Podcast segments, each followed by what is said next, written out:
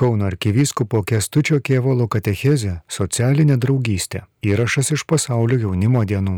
Šiandienos mūsų tema vadinasi socialinė draugystė. Labai toks keistas atrodo žodis, kokia čia ta draugystė socialinė. Ir pasirodo, kad ateina būtent šita tema iš paskutinės popiežiaus Pranciškaus enciklikos pavadintos Fratelli tutti esi, visi esame broliai, apie socialinę draugystę. Ir pirmajame šios enciklikos e, skirelėje e, popiežius rašo, Fratelli tuti rašė šventasis Pranciškus Asižėtis, kreipdamasis į visus brolius ir seseris, kuriems siūlė gyvenimo būdą, leidžianti pajusti Evangelijos skonį Iš jo patarimų norėčiau įskirti vieną, kuriame Pranciškus kviečia atsiverti meiliai, peržengiančiai geografinius ir erdvinius barjerus. Čia jis vadina palaimintų tą, kuris myli kitą, esanti toli nuo jo, taip lyg jis būtų šalia. Šiais trumpais ir paprastais žodžiais jis paaiškino esmę atviros brolybės, leidžiančios atpažinti, vertinti ir mylėti kiekvieną žmogų, nepaisant fizinio artumo, nepaisant kurioje vietoje jis gimė ir gyvena. Šiandien, brangieji, mes, kai esam susirinkę šioje nuostabioje pasaulio jaunimo dienų šventėje, turime tą išgyvenimą, kad visi esame broliai. Jūs matysite, susirenki minioj ir visi tiesiog kaip sesuo brolis žmogus, kurį tarsi atrodytų aš jį pažįstu. Kažkada berots buvo Panamoje ir esame čia minioje, atsisuku, sakau, iš kur jūs esat? Sako, esu iš Fidži Islands, ramesis vandenynas. Fidži yra kraštas, yra bažnyčia, yra jauni žmonės, nors aš niekada apie tą vietą nesugalvojęs, mąstęs, įsikalbėjom, nuostabų žmonės, nuostabi bendruomenė, bažnyčia ten, katalikų dauguma ir tas susitikimas su žmonėmis yra toksai, kad atrodo, kad su jais esi pažįstamas jau ilgą laiką. Tai va ta patirtis yra pasaulio jaunimo dienose nepaprasta unikali ir stipri. Noriu pradėti pasakojimu apie patirtį, kad jau užklausim apie pašaukimą, tai jis vis tiek galėjo sakyti, prasidėjo jaunystėje per tokius e, įvairius momentus, patirtis. Ir štai muzikos mokykla. Mes turėjome tenai orkestrą akordionistų ir reikėdavo mokintis akordionų partijas. Akordionai, kaip žinia, yra vedantis, yra pritarantis ir aš grojau antrojoj partijoje, tai ne ta, kuri veda melodiją, bet ta, kuri pritarė. Ir vienas kūrinys buvo labai sudėtingas. Praktiškai tu mokaisi partiją, kurioj nėra melodijos. Jis skambėjo tato, e, tarata, ato, ta vienu žodžiu, mokintis praktiškai kančia.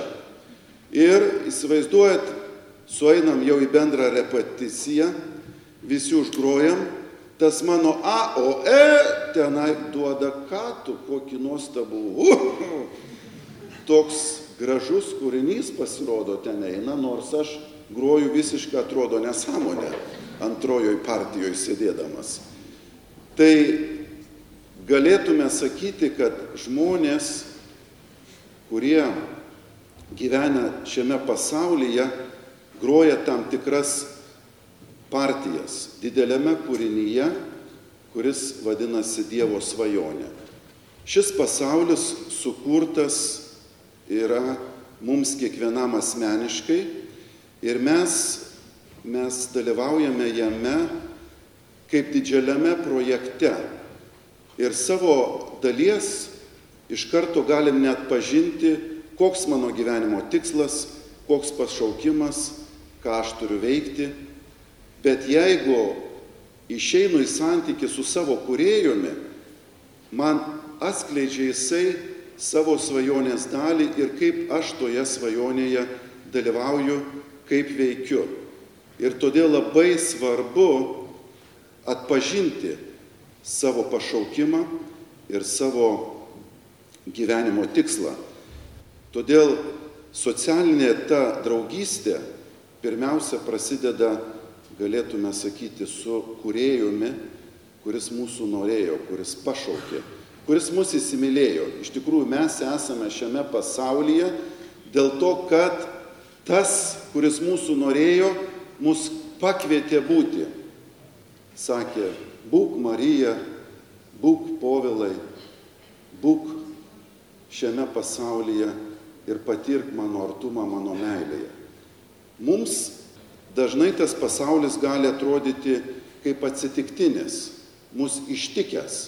Ir mums kartais atrodo, kad nėra čia aiškaus tikslo, nėra aiškios krypties, bet jeigu jūs pasižiūrėtumėte savo gyvenimo na, eigą, o jeigu pasižiūri žmonijos istoriją, tu matai, kad yra švelnus vedimas, švelnus kelias ir kiekvienas iš mūsų tame vedime turime labai svarbų vaidmenį. Kaip jį atpažinti, tai santykis su Dievu, santykis su tuo, kuris sukūrė mus. Tada santykis su kitais žmonėmis. Tas labai svarbu, nes per kitus žmonės aš pažįstu save. Aš pažįstu, kas aš esu, kokie mano talentai, koks yra mano gyvenimo tikslas. Dažnai pašaukimas nuskamba per kitų žmonių išvalgas, tam tikrus sakinius, nuotaikas, įkvėpimus. Aš tiesą sakant, kada galvoju apie tai, ar mane tikrai viešpas kviečia būti kunigu, staiga pradėjau girdėti žmonės kalbant tokiais sakiniais, pavyzdžiui, tau visai tiktų būti kunigu. Mamos darbe staiga vienas žmogus man sako, tu žinai, tu tiktum kunigu būti. Aš sakau, tu ką juokauji, pats ir būk, ką tu čia siūlai, aš būsiu vestuvių muzikantu. Iš tikrųjų, tai buvo mano jaunystės svajonė. Ir šiek tiek erzina, netoksai, būk Bet iš kitos pusės tas nusėdo man kaip sakinys, kad o jeigu per šį žmogų jisai kviečia, kalba, jisai duoda padrasinimą. Šiandien mūsų nuskambėjusi Evangelija apie kanos vestuves taip pat kalba apie mūsų pašaukimą, ką daryti. Ir mes girdime, kad Marija imasi iniciatyvos tame vestuvių pokelyje spręsti problemą, kurią iš tikrųjų galima pavadinti, jiem pritruko džiaugsmo, jiem pritruko vyno, tai reiškia ištiko juos išbandymas. Ir štai Marija pirmiausia, žvelgdama į tą situaciją, imasi lyderystės ir kviečia veikti mokinius, darydama pati žingsnį, taigi klausyti Jėzaus pakviesdama ir sukeldama, galėtume sakyti, nu tam tikrą bendrystės patirtį, kuri baigėsi stebuklu. Stebuklas įvyko, nes čia veikė daug žmonių. Marija pakvietė mokinius veikti ir ji, galėtume sakyti, na, tris dalykus labai svarbius atskleidė. Pirmiausia, ji pastebėjo trūkumą. Antra, ji prašė klausyti savo sunaus, kuris, tarp kitko, atsikalbinėjo. Neįsivaizduoti, jis ne iš karto išgirdo Marijos prašymą, ne? kodėl man reiktų čia dabar dirbti šitoj šventėj vestuvių, kai atėjome švesti. Mes esame patyrę tą Dievo atsikalbinėjimą tam tikrą prasme, kadangi jaučiam, kad Dievas ne iš karto veikia. Skrisdamas čia lėktuvu, peržiūrėjau vieną Chosen seriją to filmo, nežinau kaip mes į lietuviškai verčiam, išrinktasis. Ir tenai rodo tame siužete, kai Petras naktį žvejoja žuvis, nieko nepagauna ir pradeda šaukti tiesiog į dangų. Tai čia tu manai, atsiprašant su savo pažadais, aš jūs čia pripildysiu malonėmis, dabar su šitais tinklais tu mane erzini, ne? Tai čia tavo toks veikimas, tai čia tu toksai pilnatvės ir dovanų pilnas ir aš atsiprašau, turiu tampyti šitus tinklus tuščius per ežerą, jisai šaukia, išgazdina dar kitus mokinius ar neišėjo iš proto mūsų Petras. Ir baigėsi ryte tuo didžiuliu žuvų valksmu, kuris buvo ženklas, kad Dievas girdi, kad malonė ateina, kad mes turime turėti kantrybės. Taigi, Marija taip pat pasitikėjo, kad Dievas veiks ir viskas bus gerai. Ir trečia, ji nesėmė visko daryti pati, ji pasitelkė pagalbą, pasirinko, sakytume, socialinį veikimą, būtent bendromenišką veikimą, nes pakvietė į pagalbą Jėzaus mokinius, Jėzaus draugus. Ką darė mokiniai? Pirma, jie klausėsi, ką Marija sakė, klausė, ką Jėzus liepė. Taigi, mokinio pirmasis bruožas - klausyti. Dėl to bažnyčioje labai mes akcentuojame ir tylą, ir adoracijos maldą, ir gebėjimą nurimti, staptelti ir melstis išeinant į santykių su Dievu. Klausyti yra pirmosis mokinio bruožas. Ir jeigu tai pavyksta, prasideda įdomus dalykai. Dievas pradeda kalbėti. Antra, jie pakluso Jėzaus prašymui. Pripilkite indus klydinus. Tai jie sakytų, viešpatė, tai ką čia tas vanduo reiškia, atsiprašau. O kam čia mes tą darom? Bet jie pakluso. Jie faktiškai sakė, gerai, dėl to, kad tu mums tą sakai, mes tą padarysime. Na ir trečia, jie veikia konkrečiai. Nešė vandenį ir suteikė galimybę stebuklui, kuris vėliau, kaip žinia, suteikė didelį džiaugsmą vestuvių dalyviams. Taigi klausimas kiekvienam mūsų gyvenime.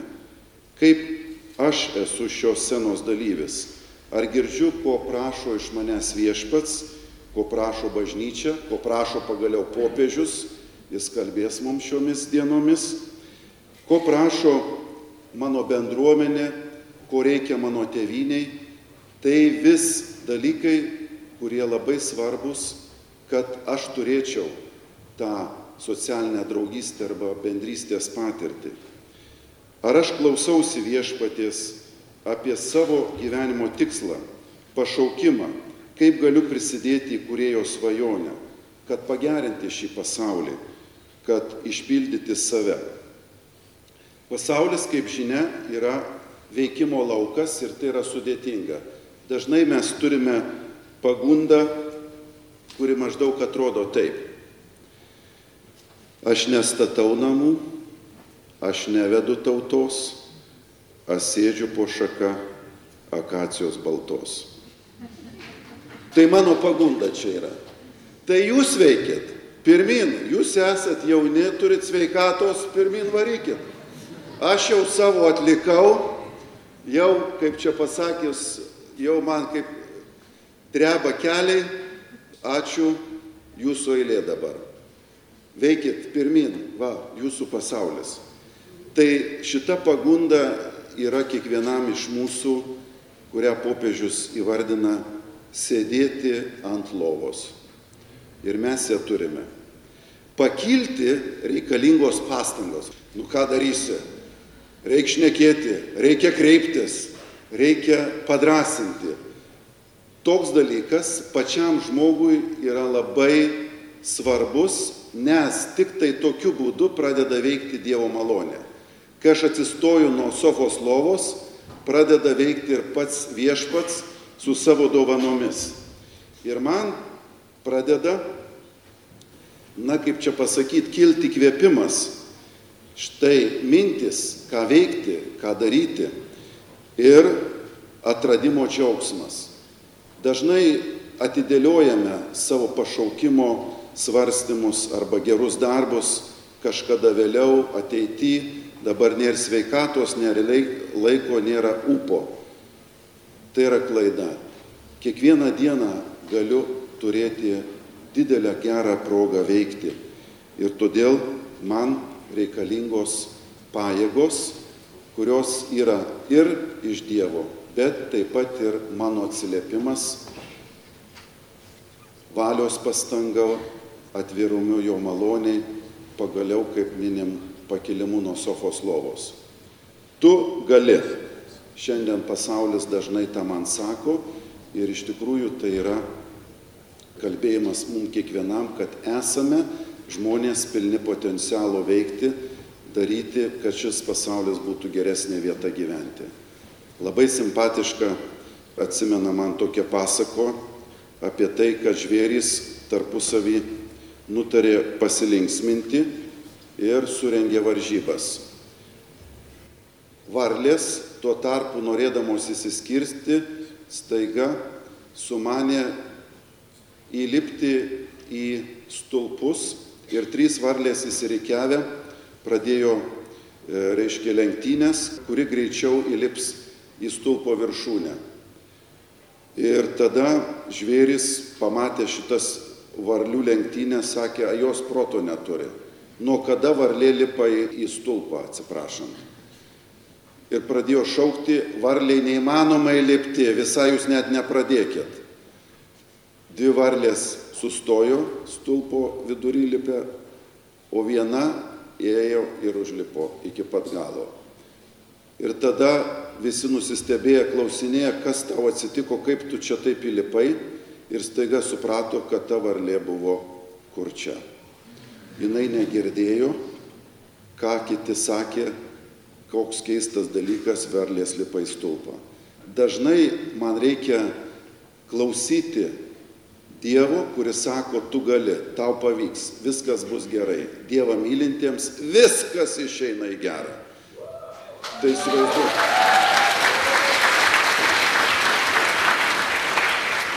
Įsivaizduojat, net mano nuodėmės, kurios dažnai atrodo kaip praradimas, gali būti man didelė pamoka, paskata ir išminties momentas kitam kartui veikti gal kitų būdų. Todėl jeigu tu myli Dievą, tavo istorijoje visa puzlė susidėlioja taip, kad viskas išeina į gerą. Todėl labai svarbu tą prisiminti ir sakant, kad nebijok, pirmin tu gali, tau pasiseks. Kas gali būti šiandien mums šita kanos vestuvių pamoka? Mes pirmiausia žvelgėme į Mariją, kuri buvo jautri aplinkai, kuri pastebėjo bėdą, kuri ištiko šeimininkus, kurie sukvietė svečius į vaišes. Taigi mokomės iš Marijos jautrumo, pastabumo ir lyderystės. Ne, kitus žmonės į bendrystę kviesti.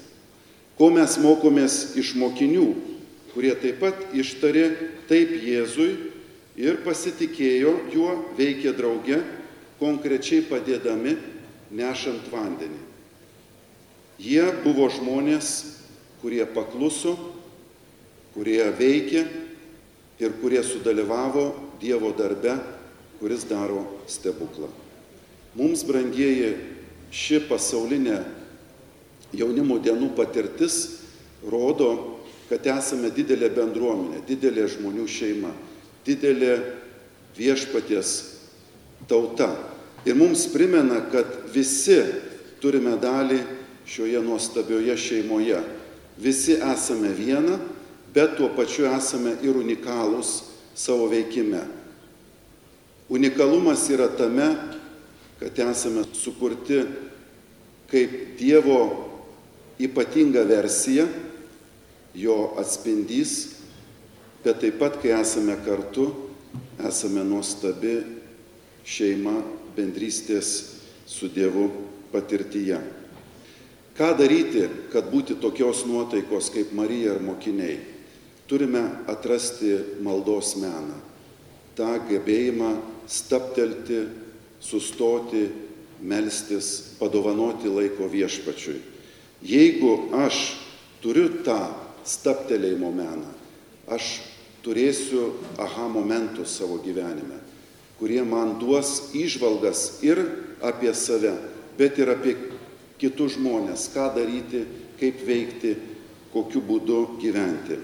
Malda turi galę.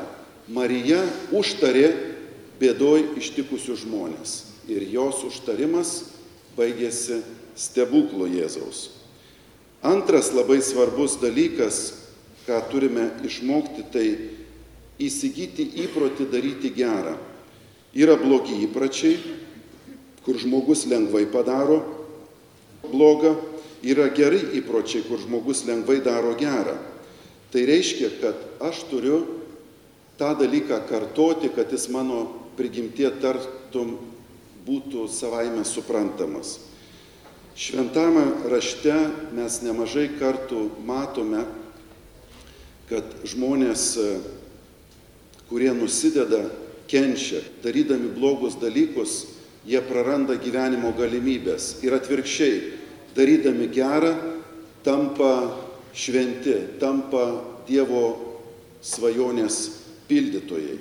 Todėl man labai svarbu mokytis iš šitų pavyzdžių ir bandyti savo gyvenime rasti būdus veikti taip, kad aš turėčiau santyki su Dievu, su kitais žmonėmis ir su savimi pačiu.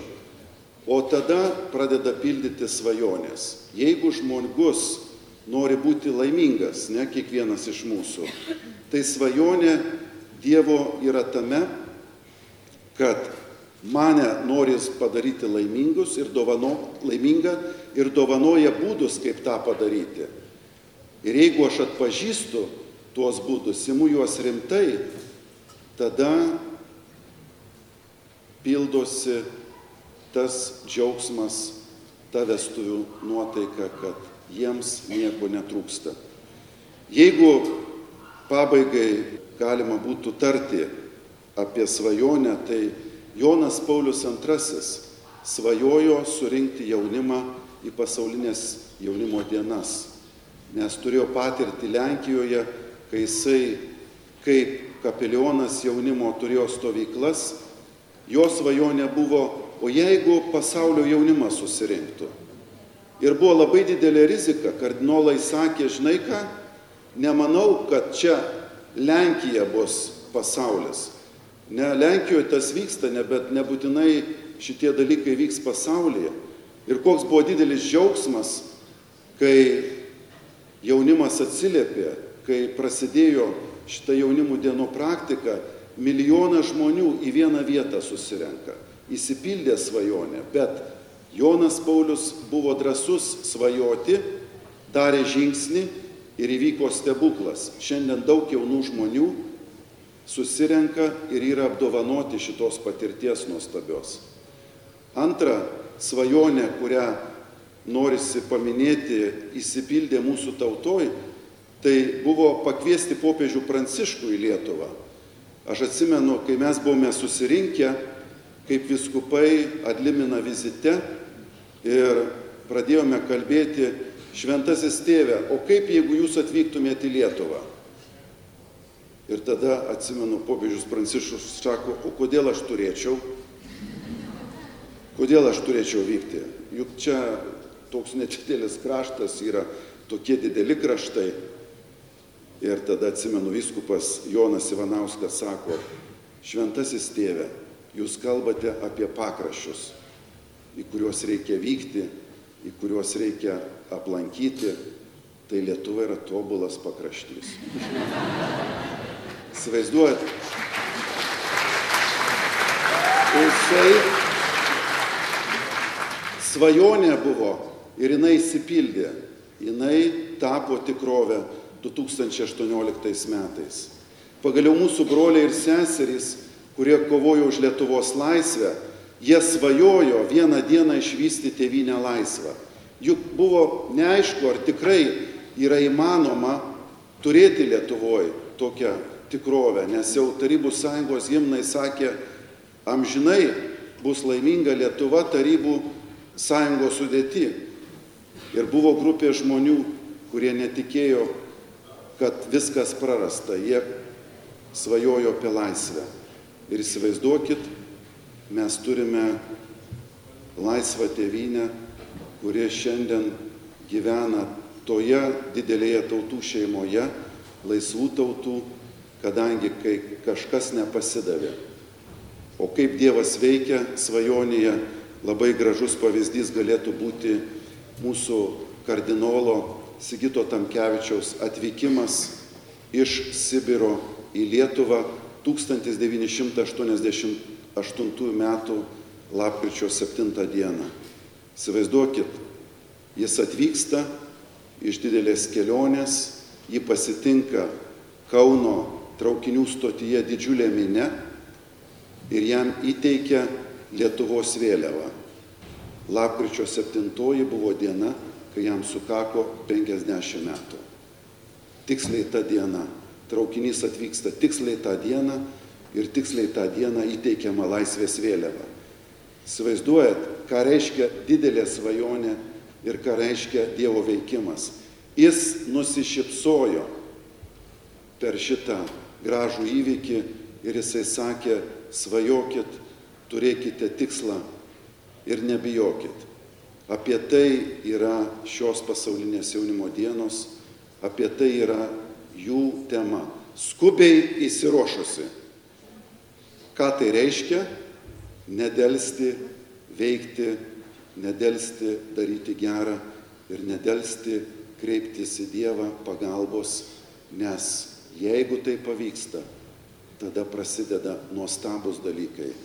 Žmogus išpildo savo pašaukimą ir prisideda prie didžiaus Dievo svajonės padaryti ir šioje žemėje dangaus karalystės atšvaistą. Ji jau yra tarp jūsų. Kokiu būdu?